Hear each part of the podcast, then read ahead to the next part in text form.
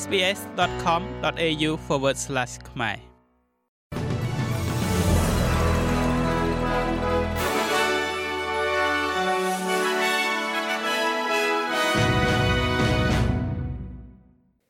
ចាសសូមស្វាគមន៍មកកាន់នេតិព័ត៌មានខ្លីៗរបស់ SBS ខ្មែរសម្រាប់ថ្ងៃអង្គារទី25ខែកក្កដាឆ្នាំ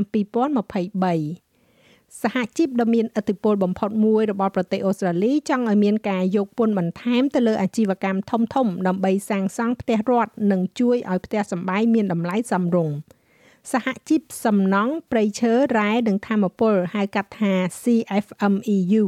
កំពុងអំពាវនាវឲ្យមានការយកពន្ធទៅលើប្រាក់ចំណេញខ្ពស់ដើម្បីផ្គត់ផ្គង់ការសាងសង់និងដោះស្រាយវិបត្តិលំនៅឋានរបស់ប្រទេសអូស្ត្រាលី។ សហជីពនេះនិយាយថាពន្ធនេះនឹងអនុវត្តចំពោះតែក្រុមហ៊ុន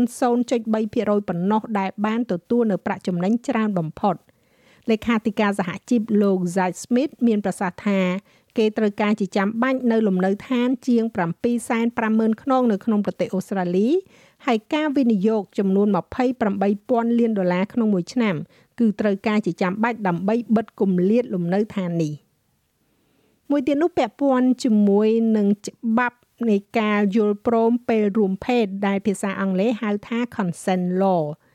ក្រុមអ្នកតស៊ូមតិនិងអង្គការស្ត្រីប្រាប់ការស៊ើបអង្កេតប្រសិទ្ធភាពអំពីច្បាប់យល់ព្រមពេលរួមភេទឬក៏ consent law របស់ប្រទេសអូស្ត្រាលីថាច្បាប់នេះត្រូវតែស៊ីគ្នានៅទូទាំងប្រទេស។សាវនាការរយៈពេល3ថ្ងៃរបស់សភាបានចាប់ផ្ដើមហើយដោយស្វែងរកការពិនិត្យមើលទៅលើនយោបាយផ្សេងផ្សេងគ្នានៃការយល់ព្រម នៅទូទាំងដែនសមត្ថកិច្ចរបស់អូស្ត្រាលីនិងរបៀបដែលប្រព័ន្ធយុតិធធជាឥទ្ធិពលដល់អ្នកដែលរស់រានមានជីវិតពីអំពើហិង្សាផ្លូវភេទច្បាប់នៃការយល់ព្រមឬក៏ consent law នៅរដ្ឋ New South Wales, Queensland, Victoria និង Tasmania និងដែនដីរដ្ឋធានី ACT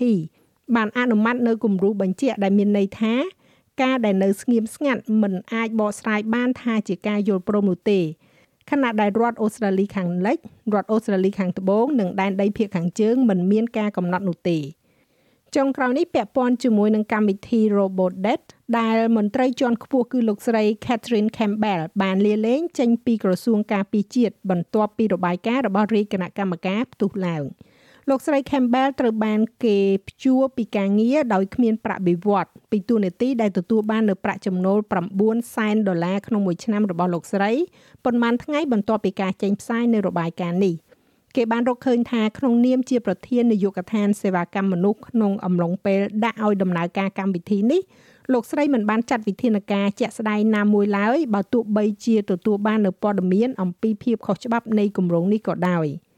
នៅក្នុងសេចក្តីថ្លែងការណ៍មួយក្រសួងការពារជាតិបានបញ្ជាក់ថាលោកស្រី Campbell បានលាលែងពីការងារជាទីប្រឹក្សាជាន់ខ្ពស់លើកិច្ចព្រមព្រៀង OCS កាលពីថ្ងៃសុក្រសប្តាហ៍មុនចុងក្រោយនេះគឺពាក់ព័ន្ធជាមួយនឹងការបាញ់គ្រាប់មីស៊ីលនៅប្រទេសកូរ៉េខាងជើងលោកនាយករដ្ឋមន្ត្រីជប៉ុន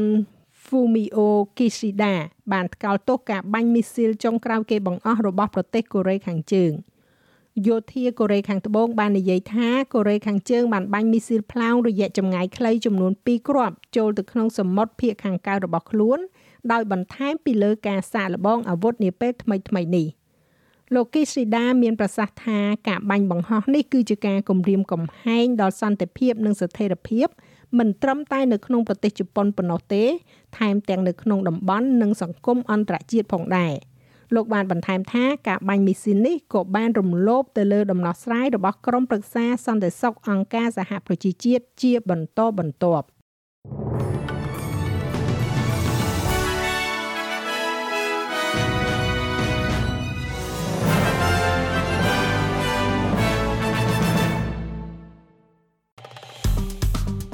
ចុច like share comment និង follow SPS ខ្មែរនៅលើ Facebook